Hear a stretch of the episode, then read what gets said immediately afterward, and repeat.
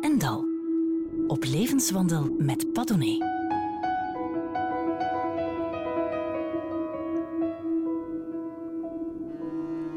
Laat ik even een geleerd kunstblad citeren. Beeldend kunstenaar Hans Op de Beek toont de toeschouwer onbestaande maar herkenbare plaatsen, momenten en figuranten die lijken te zijn weggehaald uit het actuele dagelijkse leven en tracht hiermee de tragicomische absurditeit van dit postmoderne bestaan in beelden te vatten. Einde citaat. Dan liever op de beek zelf, die gruwt van de hoogdravendheid waar dat wereldje onbekend staat. Als ik een kunstenaar hoor roepen, zegt hij dat hij zijn tijd ver vooruit is, denk ik, wat een flauwe kul. Stap in een vliegtuig, kijk naar beneden en zie dan hoe klein we allemaal zijn. Dag Hans op de beek. Zit u op een berg of zit u in een dal? Uh, ik denk dat het altijd twee tegelijk zijn voor een kunstenaar. Dus uh, je hebt de creativiteit om uit het dal te komen. Oh, en moet je vaak uh, omhoog klimmen? Wel ja, ik, uh, ik ben de laatste om het leven te dramatiseren, maar de diepte is er zeker wel. Ja, als ik naar jouw werk zie, hè, of, of daar zelfs middenin kan kruipen, dan denk ik soms, het moet geen lolletje zijn, het leven voor Op de Beek. Ja, dat is uh, ja, die idee natuurlijk dat uh, het tragische of het moeilijkere beeld een, een troost kan geven. En um, ja, ik zie dat toch als de ruimte van de kunst, dat je, als het allemaal vrijheid en blijheid en gelukkig zijn is, dan heb je weinig te vertellen, neem ik aan. ik weet dat je zelf ook schrijft, Pat. Dus ik uh, denk dat we niet een uh, boek willen schrijven waarin iedereen gelukkig is. Want wie wil dat lezen? Ja, dat is het. Uh, dat is juist dat is, het probleem.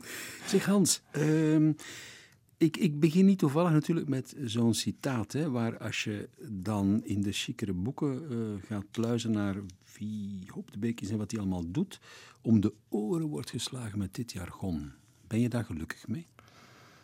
Ja, het is, uh, het is wat het is. Hè. Het, is um, het hoort erbij, denk ik. En ik denk dat we specialismen nodig hebben.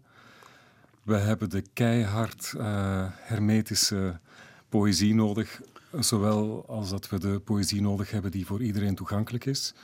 En ik denk dat dat erbij hoort. Um, ik erger me daar ook niet in. Ik denk dat dat recht heeft van bestaan. Maar um, zelf als kunstenaar vind ik het wel van belang om beelden te maken die ook door de niet-specialist meteen kunnen betreden worden. En dat wordt wel eens onderschat. Um, het is moeilijker om die eerste toegankelijke laag um, te enseneren, zeg maar, in een beeld dan men wel eens denkt. Het uh, lijkt makkelijk, maar het is net moeilijker om genereus, zeg maar, iedereen te verwelkomen in een beeld. Dat instapplateautje uh, dat je ja. gebruikt om, om eigenlijk de mensen in jouw werk te laten komen. En dan is het maar aan de geoefende kijker om, om er meer mee te doen. Ja, zo is het helemaal. En hoe ja. doe je dat eigenlijk? Ga je dan bewust te werk met ik wil nu zoveel als mogelijk mensen bereiken? Ja, dat is wel. Uh, ik heb uh, nogal wat uh, belevingsgerichte installaties gemaakt, zoals dat dan heet. Um, dat gaat over grote werken die je entoureren, uh, waardoor je eigenlijk ja, omhelst wordt, zeg maar. Je, je komt binnen en je, wordt, je zit in het beeld. Ik heb uh, bijvoorbeeld in Japan zo'n uh, levensgrote evocatie van een wegrestaurant staan. Je loopt daar naar binnen. Alles is monochroom, donkergrijs. En je wordt uitgenodigd plaats te nemen aan een dinertafel. En van daaruit kijk je doorheen een raam naar een verlaten snelweg. Die verlaten snelweg, dat is eigenlijk een hoop gesculpteerde flauwekul. Dat is een een trompluik-sculptuur van een paar honderd vierkante meter. En dat werk is, denk ik, ook mijn kinderen hebben het gezien. Uh, je gaat er gewoon in zitten en je begrijpt meteen van dit is een nachtelijke setting, dit is het begin of de kiem van een verhaal. En dan hoe je dat duidt, uh, ja, dat ligt heel vaak aan je, laten we zeggen, je gevoelens op dat moment. It's in the eye of the beholder, maar ook, het ligt ook erg aan het moment waarop je al dan niet meer of minder receptief bent voor bepaalde dingen. Heel filmisch ga je te werk. Het zijn bijna snapshots uit een film. Of soms duren ze minuten lang, of soms stilstaand, maar je, je zit altijd midden in een film, heb ik het idee. Ja, ik, uh, ik hou heel erg van de ansenering van een stemming, omdat je... Het is een beetje als... Uh, ja, ik ben altijd stikjaloers wanneer ik... Uh, zangers hun mond zie opendoen en er dan meteen iets naar het hart gaat. En dan denk ik van ja, wij via het beeld moeten altijd via een omweg. Of het gaat wat moeizamer of minder direct. En ik probeer toch een vorm van directheid te vinden in een stemming omdat een stemming direct tot je komt. Eh, als je een ruimte betreedt met een bepaalde stemming, dat entoureert je meteen, je zit daarin. En van daaruit kan je gaan uh, fine-tunen en dingen tussen de lijnen schrijven. Ik vind dat je nog het dichtst bij uh, je eigen werk komt als je het omschrijft als een poging. Dat is al, vind ik mooi. er zijn niet zoveel bescheiden kunstenaars. een poging, een essay dus, om een mise en scène te maken van de stilte. Ja, dat is het echt. Ehm, je maakt werk vanuit een noodzaak. Dat is een, een ongelooflijk cliché, maar dat klopt. Ik weet nog toen ik uh, kunst studeerde dat, uh, dat ik het citaat hoorde van Louise Bourgeois, uh, de stokoud geworden beeldhouster. Die zei van mijn werk redt mij. En ik vond dat toen een heel pathetische uitspraak. Ik dacht, oh mijn god, wat een drama. Mm -hmm. En ik heb met de jaren leren inzien dat het eigenlijk wel zo is. Je, je maakt werk om jezelf troost te brengen, omdat je dan iets constructiefs doet. En natuurlijk, na het maken van het beeld komt de ontvangst door het publiek. Dat is die tweede stap. En die essentiële stap ook, dat het werk ontvangen wordt. En dat je dat soort van gevoelen kan overdragen. Dat is, uh, dat is iets heel wezenlijks. Wat ik straf vind hè, in jouw werk. Ik zeg, ik ben toch niet iemand die snel zal grossieren in grootspraak of in uh, bloemen gooien. Maar wat ik echt uh, heel frappant vind in jouw werk is dat je mij verplicht als toeschouwer om te kijken. Ik heb het al zelden meegemaakt uh, en toch heel veel van je werk al mogen beleven, waar je na een paar seconden, pas op, dat is al veel vandaag, hè? Mm -hmm. gemiddeld kennelijk voor zelfs het MoMA zeven seconden per werk, maar dat je na een paar seconden al zegt van oké, okay, ik heb het gehad. Op de een of andere manier dwing je om te kijken leer je mij misschien ook wel om te durven blijven kijken.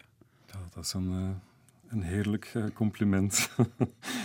dat is, ja, dat is uh, ontzettend fijn om te horen. Ik, wat me ook altijd erg gelukkig maakt, is dat voor het videowerk dat ik maak, dat ook in de kunstruimte getoond wordt, dat ik ook vaak hoor dat mensen hem volledig of een aantal keer bekeken hebben. En ik weet dat dat heel moeilijk is voor een filmbeeld, om mensen daartoe uit te nodigen. Ja, ja, dat kan ik me best voorstellen, dat je echt wacht. Hoeveel, wat is het langste werk dat je hebt gemaakt? Ik denk de langste videowerk, het langste videowerk is een half uur. Dat was zoiets, hè? Ik dacht ja. 25 minuten, ja. ja. En dan blijven ze kijken tot, want het is een loop heel vaak, ja. tot weer beginnen. Inderdaad. Ja. Als, als kind zou jij met je broertje nogal wat hebben zitten knutselen en zo? Ja, ik heb een tweelingbroer en um, ja, wij werden altijd als één geheel gezien. Hè. De tweeling was thuis of hij had iets mispeuterd, maar het was altijd de tweeling, dus ze waren altijd die twee-eenheid. Uh, dat samen opgroeien is iets heel specifieks. Ik kan niet uh, zeggen dat we zo'n ongelooflijk sterke, mystieke band hebben, zoals dat wel eens gezegd wordt van tweelingen. Dat we op intuïtie voelen wanneer de ander zich slecht voelt of zo. Heb je dat niet? Dat hebben we niet eigenlijk. Uh, natuurlijk, het is wel bijzonder om een broer of zus van je eigen leeftijd te hebben die toch dichterbij stond uh, tijdens het opgroeien.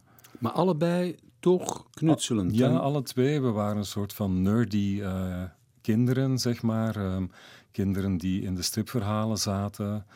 Um, zelfs stripverhalen schreef? Wij maakten zelfs stripverhalen. En dat was een soort van, toen al een soort van vlucht naar het, het maken van dingen op jezelf. Um, we waren ook altijd de allerlaatste um, jongetjes die geselecteerd werden voor het voetbalploegje. Dus ze waren echt ontzettend slecht in sport. En we waren, laten we zeggen, over de hele lijn slecht op school. Er waren twee dromertjes die uh, echt nergens interesse voor hadden. We hadden vanuit de familie een beetje het, uh, het, talent voor taal, omdat we allemaal... Ik heb ook die schrijvende nicht, uh, Griet op de Beek. Ja, ja, ja. Die is, daar, die is niet weinig trots op jou, hè?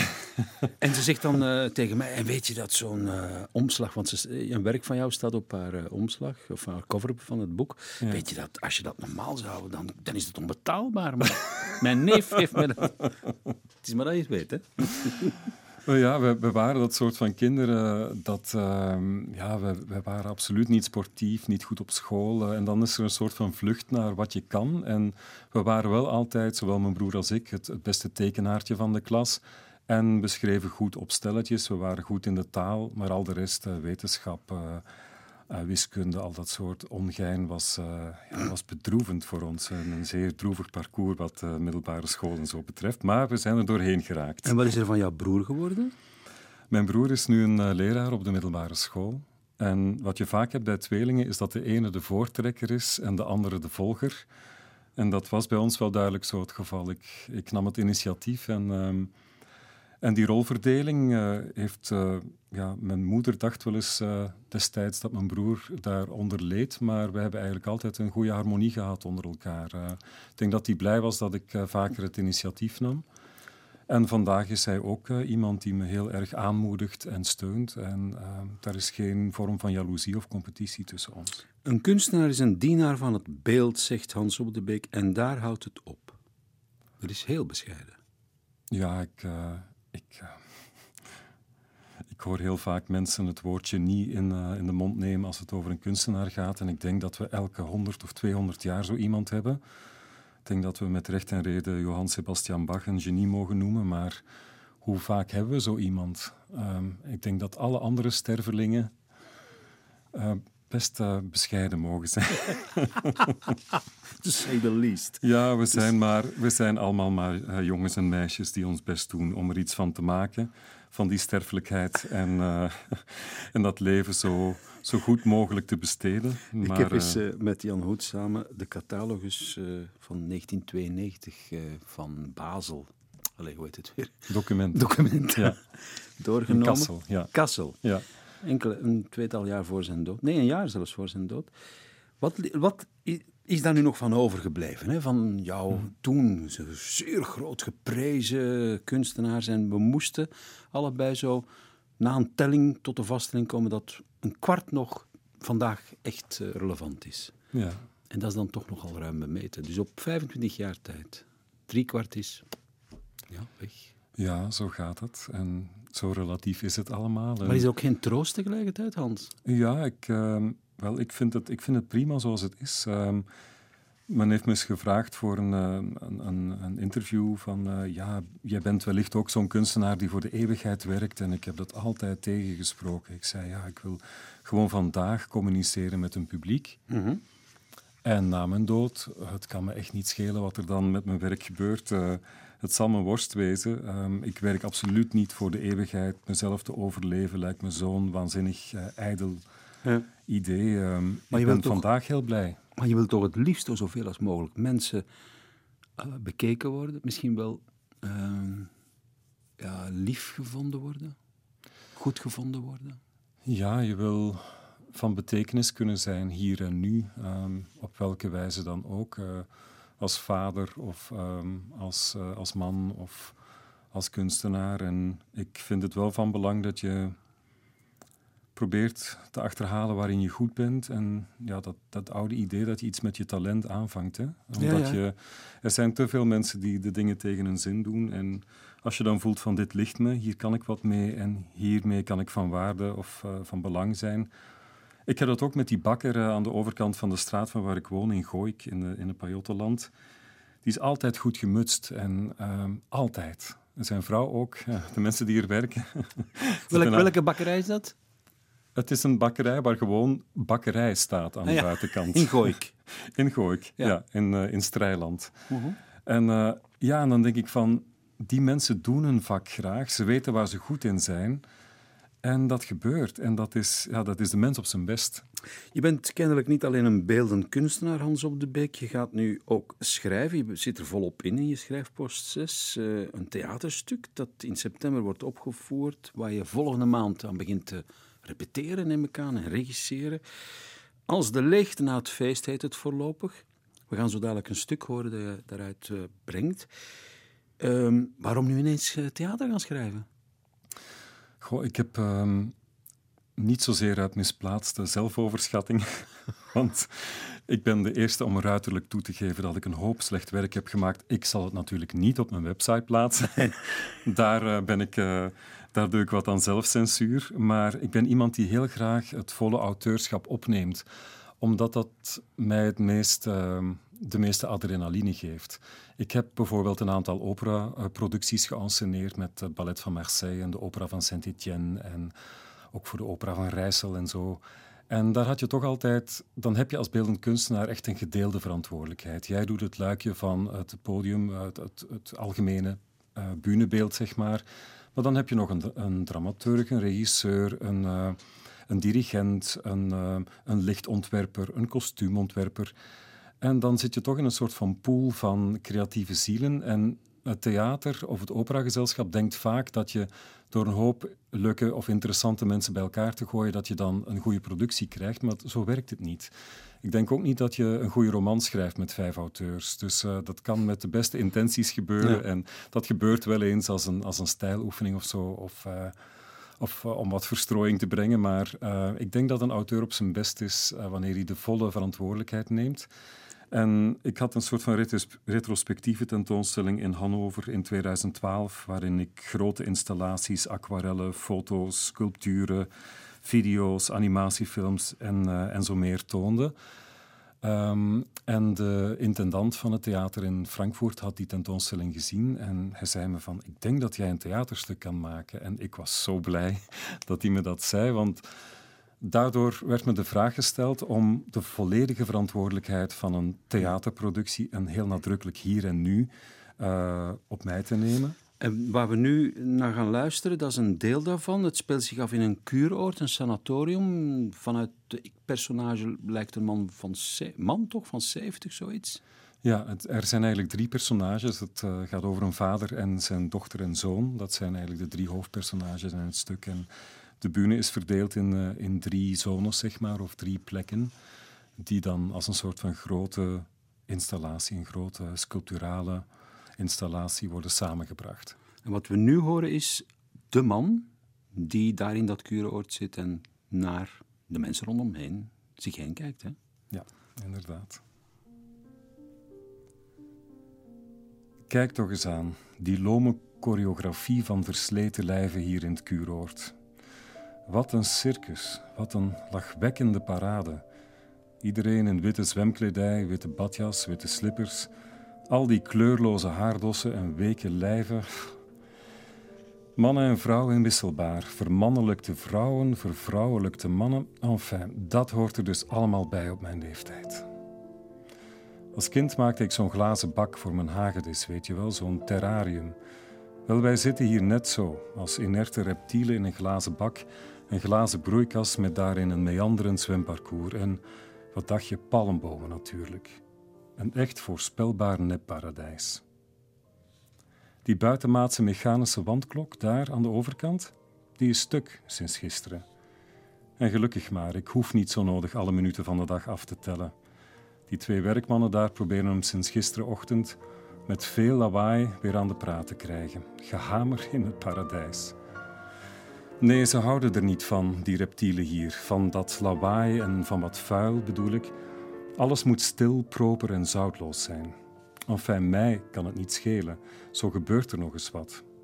Ik zit bijvoorbeeld ook al eens graag te staren naar een bouwwerf, zo'n ruim decor met wat beweging erin.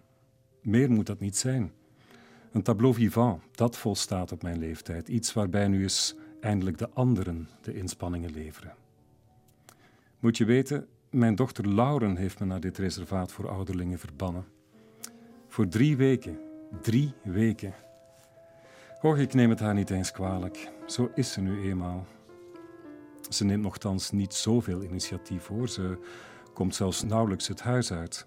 Maar als ze zich dan toch iets in het hoofd haalt, dan moet en zal het ook gebeuren. En enkel op haar manier. Dat is een kwaliteit hoor, die koppigheid. Ze had alles achter mijn rug om via het internet geregeld en dan mijn oude getekende lijf eigenhandig hierheen gebracht. Ook al had ze in geen tijden meer met de wagen gereden. Vader, zei ze, hier ga je van genieten. Je kan nog zwemmen. Wie kan dat nog op jouw leeftijd? En beloof je me ook naar de sauna te gaan? Daar ben je aan toe. Mijn zieke geest heeft een mensenleven lang rondgedwaald in de gladde, rationele labyrinthen van de wetenschap. Mijn god, wat een verloren jaren. Oud en wijs te worden, dat was het plan. En kijk nu eens, ik eindig zonder resultaten, met een koffer vol spijt en een handvol platitudes. Sinds mijn zeventigste beslist mijn dochter waar ik al dan niet aan toe ben. En dat mag ze. Tenminste, nu mag ze dat. Ja, Hans op de Beek las eh, uit zijn eigen werk als de leegte na het feest, heet het voorlopig, ik blijf erbij zeggen. Ehm, sfeer een beetje van Thomas Mann, hè? Uh, Doverberg. Ja, ja, ja het is, uh, het is um, een oefening. Ik maak vaak de oefening met een beeldend werk. Um, en ik denk dat tekst ook zeer beeldend is. Hè. Je zet wat woorden bij elkaar en er ontstaat een beeld. Um, waarin je, ja, je, het is, een, het is een, een studie naar hoe je zelf in het leven staat op een bepaald moment. En je probeert vooruit en achteruit te blikken. En um, het is een oefening Zoals ik bijvoorbeeld een, uh, een landschap sculpteer met een soort van truttige huisjes in, dan denk ik van ja, ik ben een architect in de jaren 50 en men heeft me gevraagd om een woonwijkje te ontwerpen voor uh, gezinnen met twee kinderen.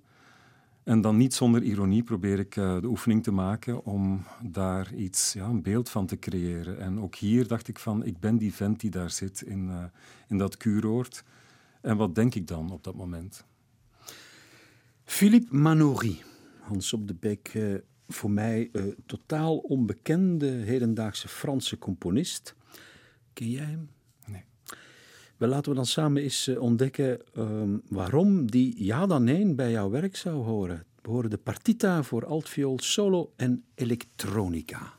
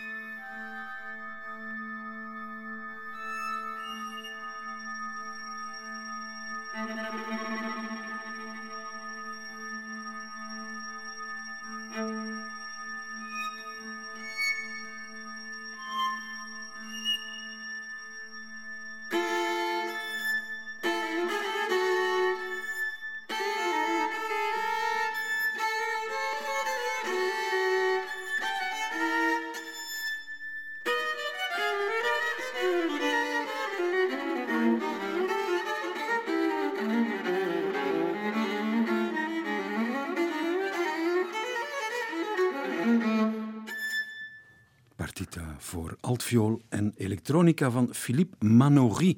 Bij mij zit Hans Op de Beek, beeldend kunstenaar. Hans, um, wat denk je? Ben je gaan lopen of vind je dit intrigerend genoeg? Ja, ik vond het wel een heel mooi stuk. Ja, het, uh, het was heel, um, heel stemmingvol en uh, in die zin uh, sluit het wel erg aan bij ja, het, het, het, opwekken van die Het was een vrij onrustige partij voor de altviool. En Ja. ja, ik, vond hem wel, eh, ik vond hem wel lekker, zoals ze in Nederland Ja, zouden zeggen. en dan die elektronica daar als een basso continuo onderdoor, waardoor het ook iets heel onheilspellends krijgt. Hè? Ja, En dat vind ik dan toch ook een beetje in jouw werk terug. Ja, de, ik zoek eh, toch altijd een soort van dubbelzinnigheid op. Eh, je weet natuurlijk dat als je zo'n grote installatie van me binnenloopt, weet je natuurlijk dat het een paar honderd eh, vierkante meter flauwekul is. Dat is sportkarton en dat is eh, polyester en hout en een hoop materialen die vormgegeven zijn. Dus er is geen twijfel dat het eh, een mock-up is, dat het bedrieglijk is, dat het oplichterij is, visueel gesproken. Maar als je... Zwendel, gewoon een, je bent een Ja. zwendelaar. Ja, het is, eh, het is natuurlijk eh, gewoon maar een constructie en ik ontken dat eigenlijk in geen, enkele, geen enkel medium dat ik eh, gebruik, zie je meteen de constructie. Maar ik denk dat je dan ook een faire deal hebt met de toeschouwer van... Ik hou de schijn niet op van dit is een documentaire in een film, of ik hou de schijn niet op van dit is een echt landschap. Nee, dat weet je meteen, dit is flauwekul. Maar als je dat aanvaardt, dan kan je echt wel mentaal verblijven in die plek. En ja, dat is de, de idee van het, eh, het, het oude landschapsschilderij waar je voor gaat zitten, waarvan je ten alle tijde weet dat het een laagje verf is op doek. Je weet dat, maar je kan daar toch mentaal in verblijven. En, eh, ja. en dan breng ik het graag naar een punt dat het zowel belachelijk is, als we spreken over de, de materialen waarmee het gemaakt is, en ernstig. Ehm, Het is tragicomisch, het is ridicul en ernstig. Het is ehm, altijd eh, tussen de twee in, zeg maar. eh. Het leven is geen uitgekiend eh, designgebouw, zegt Hans op de Beek. Het leven is voor 99% lelijk en onhandig. Ja, het is zo. ehm, wanneer we geschiedkundig spreken over bijvoorbeeld eh, Le Corbusier of over.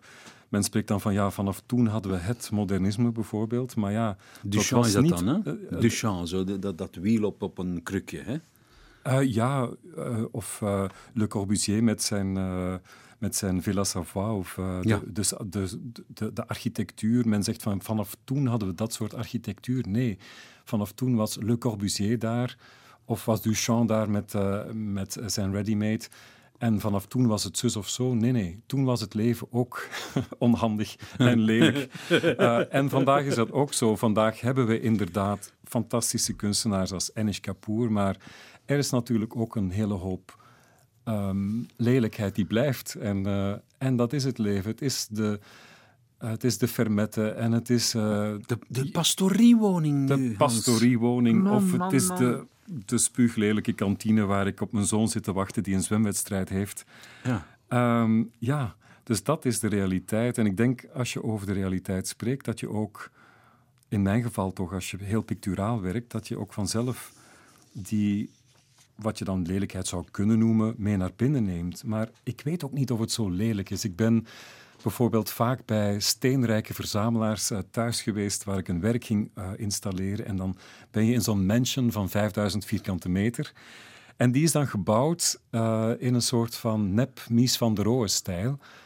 Het ziet er modernistisch uit, maar het is oneigenlijk. Het is dus een soort van kitsch for the rich. En zij zullen wellicht neerkijken op de shoppingmall of eh, op de taverne of de fermette, maar in feite gaat het om hetzelfde. Het is oneigenlijk. Het neemt de vormelijkheden over, maar het is niet het echte ding. Erzats. Ja, en ik denk van dat is het leven ook. Hè. Dat, eh, Ja. En ik, ik hou me met dezelfde flauwekul bezig. Als ik de kinderkamer inricht, dan zet ik daar ook dat soort van ongein Ja. en flauwekul neer.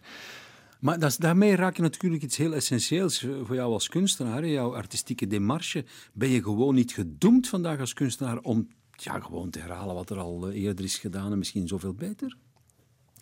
Ik eh, geloof heel erg dat je niet op zoek moet gaan naar iets nieuws. En dat je dat zelfs niet moest doen in de tijden van eh, moderniteit. Ik geloof dat we vandaag nu eh, dat verhaal van actie en reactie van eh, de moderniteit eh, uitverteld is. En er bestaat vandaag heel veel in de hedendaagse kunst bijvoorbeeld. Hè. Je hebt mensen die zoals Bormans eh, zeer geniaal schilderen als een Velasquez, maar je hebt vandaag ook eh, mensen als Thomas Hirschhorn die grote installaties maken met afvalmaterialen. En dat bestaat naast elkaar en dat heeft allemaal zijn eigen publiek. Ehm, en ik denk dat die breedte dat dat eigenlijk eh, iets fantastisch is, omdat het je uh, verlost van die vraag die er vroeger toch was van je moet iets nieuws doen, je moet met wat anders op de proppen komen. Dat is helemaal niet meer de vraag. Het is zoals uh, Charles Palliser die een uh, roman schrijft, De Quinkunst, die leest alsof het een een boek is van, uh, van de grote Russen. Ja. En als dat goed geschreven is, dan communiceert dat ook. Je moet niet per se een heel moeilijke postmoderne constructie hebben vanuit verschillende perspectieven. Maar we zijn toch ontzettend bij met de vraag uh, naar authenticiteit. Mensen willen toch authenticiteit vandaag. Ja, ik, en wat ik denk is dat, dat dan je, weer? Ja, authenticiteit. Ik denk dat je dat je als kunstenaar wel kan streven naar authenticiteit. Um, door heel erg jezelf te zijn en te proberen vanuit je eigenheden, je eigen fixaties en tics, om die, dat je die moet ombuigen naar een kwaliteit. Dat is je métier of je vakmanschap. Maar je kan niet doen alsof je iemand anders bent. Ja. Toen ik kunst studeerde, had ik uh, een aantal minimalistische leraars die me zeiden van Hans, je tekeningen, dat is heel illustratief en uh, gedetailleerd. Probeer het allemaal te herleiden tot één lijn, één beweging ik heb ontzettend hard mijn best gedaan om dat te bereiken. Maar dan gevoeld van... Dat is niet voor mij. Ik kan het niet. Ik moet hmm. gewoon blijven detailleren. Ik ben die uh, manierist. Ik ben die detailman. Uh, en mhm. daar moet ik proberen mijn sterkte van te maken. En ik denk dat dat authenticiteit is. En kom je nooit in de verleiding om gewoon uh, naar de pijpen van je opdrachtgevers te dansen? Nee. Want... nee? En wetende, oh, maar dit loopt lekker, dit verkoopt goed, dan zullen we er nog maar eens eens. Nee, en ik moet uh, ook tegenspreken dat mensen zeggen me vaak van ja, maar als speelend kunstenaar en je wordt door uh, een aantal gal galerieën uh, vertegenwoordigd, ze moeten jou toch vragen om telkens dit of dat te doen. En die vraag heb ik nog nooit gekregen. Ik, ehm, ik heb altijd carte blanche of de vrijheid gekregen, en dat geldt voor al mijn collega's um, die internationaal aan de slag zijn in de beeldende kunsten je krijgt echt de vrijheid om te tonen wat je wilt tonen. Zowel in de musea, de biennales als in uh, de galerie. Thomas Tallis, dat is een componist die je wil laten horen met zijn Spem in Alium van het Huelgas Ensemble onder leiding van Paul van Nevel. Uh, renaissancist, uh, ja, 16e eeuw. Waarschijnlijk is dit van 1573, wordt gedacht. Uh, het is een motet, een veertigstemmig motet. Dat is, een huzarenstukje. Ik denk dat Van Nevel daar uh, veel sigaar op gerookt heeft om dat in te studeren. Um, wat vind je daar zo boeiend aan? Ja, ik heb uh, vaak periodes gehad waarin ik uh, telkens weer opnieuw hetzelfde nummer in, uh, in mijn player had zitten. en dit heb ik echt een hallucinant aantal keren gespeeld in het atelier. Het heeft me begeleid in, bij heel wat werk. En op die manier gaat het echt deel uitmaken van, ja, van je praktijk. Dat je, je ademt die muziek op den duur. En um, ik heb sowieso een fascinatie voor vocale muziek, um, gezongen muziek. Um, de stem is, en uh, velen zijn het met mij eens wat dat betreft, denk ik, uh, het ultieme instrument. En het is het, ja, hetgeen dat me het sterkst raakt. Ik heb ooit een een productie geanceneerd met muziek van Claudio Monteverdi. En dan had je een vijftal zangers, een uh, viola da gamba en een luid. En ik had het voorrecht om bij die repetities te zijn. En dan, ja, die mensen komen samen, doen een mond open en je bent onmiddellijk ontroerd. En ik heb dat bij dit stuk van Tallis ook. Dat uh, gaat recht naar het hart.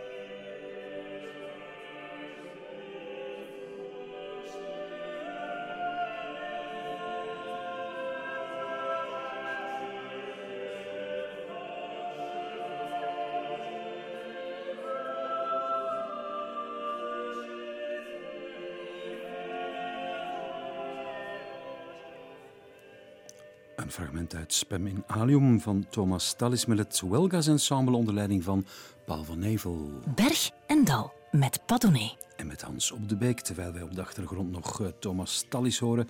Hans, die jij eindeloze keer hebt uh, beluisterd in je atelier. Mm -hmm. Ik kan daar wel iets bij voorstellen. En ondertussen werken, hè? terwijl deze muziek loopt. Ja, inderdaad. Uh, een groot deel van mijn activiteit gebeurt s'nachts. Ik ben geen kunstenaar die alleen s'nachts werkt. Overdag werk ik ook. Dus er is erg weinig slaap in mijn leven. Maar wanneer ik alleen werk, en dat gaat dan vaak over schrijven of aquarellen maken, um, ja, dan is dit soort muziek echt de ideale roosmuziek. Hmm. Hans op de Beek, uh, ben jij een goede vader? Omdat je zegt, ik werk s'nachts, maar ook overdag. Uh... Ja, er is, uh, er is altijd te weinig tijd inderdaad voor de kinderen. Ik probeer periodes of blokken te isoleren, tijdsblokken te isoleren. Zoals voor in de zomer is daar één maand alleen met de kinderen, met het gezin en de kinderen. Dus, uh, je bent dus een artiest die ja. een family life heeft, hè? Ja, dat... Uh, met een vrouw en kinderen, vier geloof ik? Vier kinderen, ja. Ja, dat wordt vaak uh, tegengesproken. Dat, hoeveel kinderen had Bach? Um, 18 geloof ik of zoiets. Officieel. hoeveel duizenden kantaten zijn er uit zijn pen gekomen. Dus ja, het is ook van, ik denk hoeveel gewicht je er zelf aan geeft. Uh, natuurlijk, je wil een goede vader zijn, je wil, je wil er vaak zijn, je wil hen iets bieden, je wil hen iets anders bieden. Kijk, ik ben geen sportieve vader, dus ik, uh, als ik een keertje ga zwemmen met mijn oudste zoon, dan, ja, dan zegt hij, en vader, mag ik nu doorzwemmen? Want hij zwemt dan een eindje met me mee, dus hij is elf en uh, hij klopt me al genadeloos. Dus um, sporten is niks wat ik hen kan bieden. Ik kan niet met hen gaan sporten, maar ik denk dan, ik neem ze wel mee naar een museum of ik neem ze mee naar een tentoonstelling en ik probeer boring. ze... Boring! Ja, dat nee? vinden ze soms boring, maar ze zijn ook wel veel receptiever of ze staan veel meer open voor die dingen dan uh, volwassenen door de band genomen. Ah. Dus uh, ze vinden het iets heel vanzelfsprekends en gewoons om uh, naar actuele kunst te kijken. Maar jij bent, laten we eerlijk zijn, toch een van de zeldzaamheden die dat kan combineren. Ik ken aardig wat artiesten binnen en buitenland die aan de kook zitten bijvoorbeeld, die zeggen, wij hebben dat nodig om te functioneren. Ja, dat, uh, ik heb dat gelukkig niet nodig. Ik, ben wel, ik heb wel gerookt een tijd en ik ben iemand die nogal makkelijk excessief is. En dat was dus heel veel. En ik ben daar ook, ik heb mijn kinderen beloofd, ik, ik, raak geen sigaret meer aan en dat is de beste manier om te stoppen met roken. Als ik het over het leven wil hebben, dan moet ik het over lege bier, blikjes en sigarettenpeuken hebben, zeg je. En over het doden van de tijd en over verveling. Dat vind ik mooi dat je dat belangrijk vindt. Dat zie je trouwens ook in je werk. Ja, het, uh, dat is zo. Dat, uh, het is niet altijd uh, de volle 100% of het is niet altijd het rijk gevulde, fantasierijke leven. Dus er is nogal wat ruis op een leven. En ik denk van het moment dat je dat verwerkt, dat je dat onder ogen ziet, dat het ook helpt. Dat je zegt dat je dat een plaats geeft. en dat is wellicht met alles zo. Wanneer je het plaatst, wanneer je het bekijkt, onder ogen uh, neemt, dan, um, dan kan je ermee omgaan. Verveling, dat vind ik een zwaar onderschat begrip in eigenlijk heel ons leven. En ook zoiets waar een taboe op ruist. Uh, als je kind bent, dan... Iedereen van ons heeft dat al uitgeroepen. Ik verveel me. En dan is het maar aan de papa of de mama's die in de buurt is om dat te uh, verhelpen. Welke volwassene durft dat vandaag te roepen? Ik verveel me. Je ja. moet het druk, druk, druk hebben, hè? Ja, inderdaad. Het is, uh, zelfs met een hele zware agenda is er ook verveling. Hè? Tuurlijk. Uh, ja, je moet de dingen ruimte durven geven. Uh, mijn kinderen zijn buiten de school om heel actief. ze spelen muziek en doen sport en dat soort dingen. Maar ik zeg hen ook vaak van, kijk, hang gewoon maar eens wat rond thuis.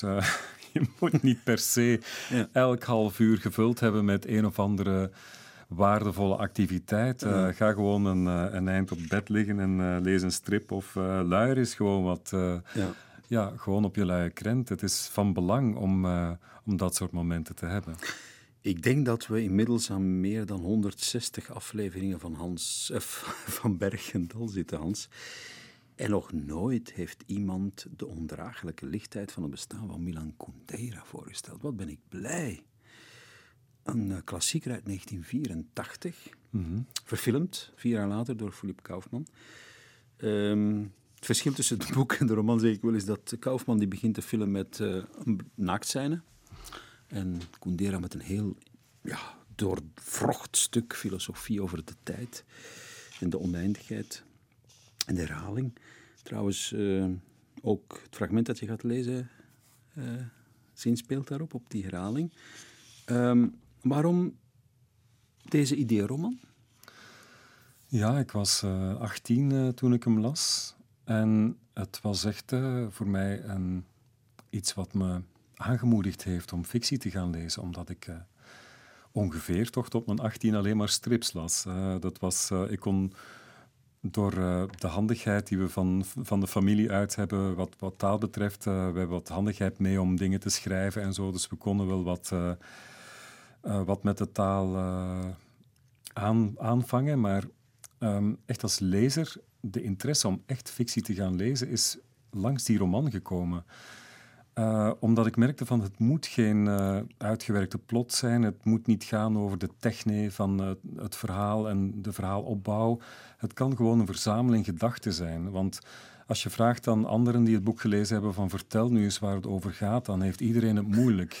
Het is uh, een, een, hoop dingen bij elkaar, maar je kan niet echt zeggen daar gaat het nu over. Ja, er passeren dingen, de Praagse lente enzovoort. Ja. En er is een, een, een, chirurg, die heet Thomas, en die, uh, ja, die scharrelt met veel vrouwen. En uiteindelijk komt hij dan met Teresa terecht. Hè? Een beetje zo de grote vrouw voor hem.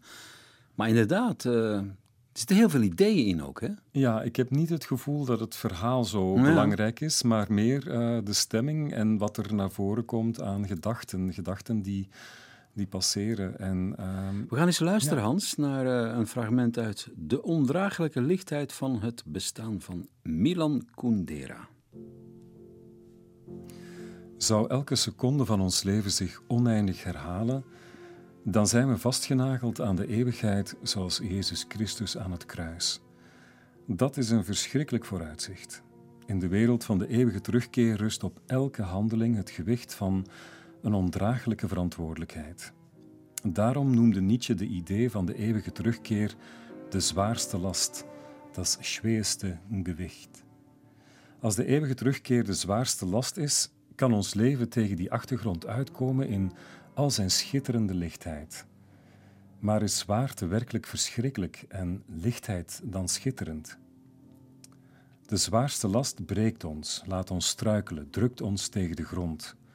Maar in de liefdespoëzie aller tijden verlangt de vrouw ernaar de zware last van het mannenlichaam op het hare te voelen. De zwaarste last is derhalve ook het beeld van de meest intense levensvervulling.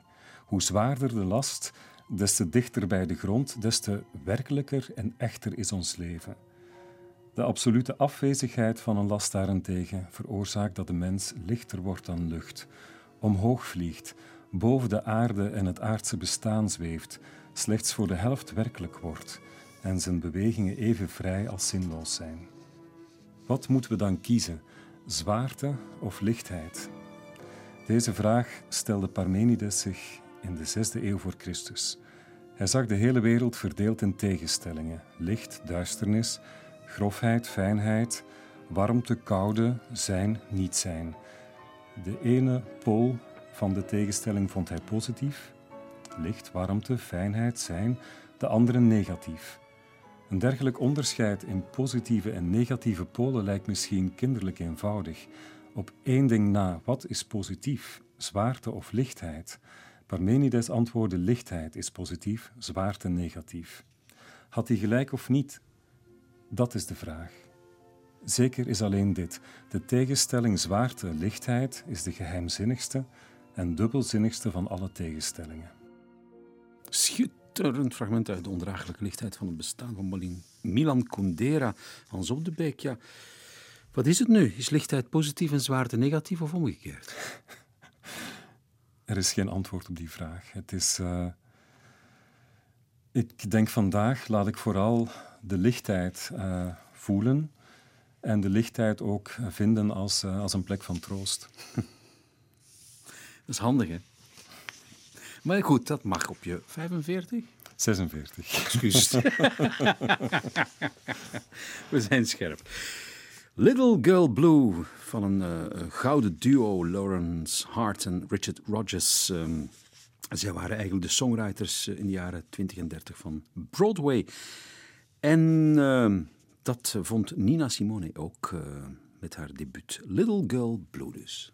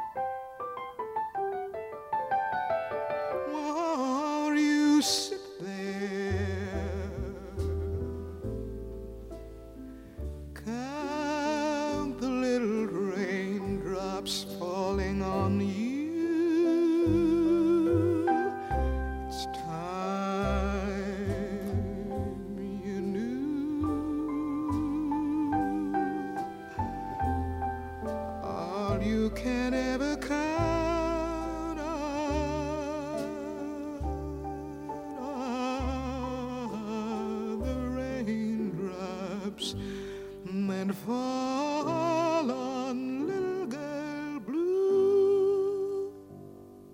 Ain't no use, old girl. Ain't no use, old girl. You might as well surrender, cause your hopes are getting slender.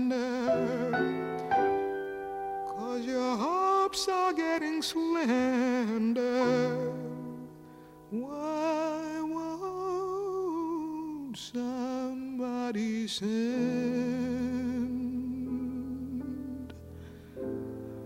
a tear.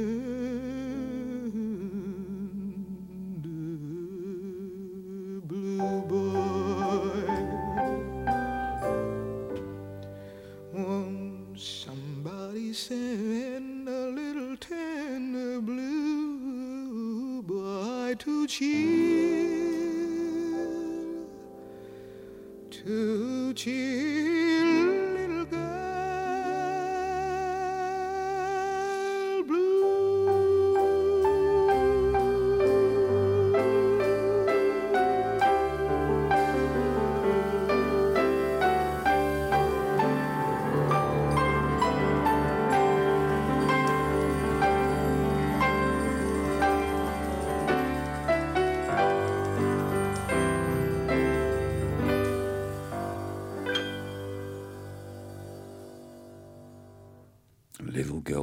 Van uh, Lawrence Hart en Richard Rogers. Door Nina Simone natuurlijk. Het komt uit de Rogers and Hart Songbook, maar het is origineel uit 1957 en gereleased uh, ja, op dat magische label Bethlehem.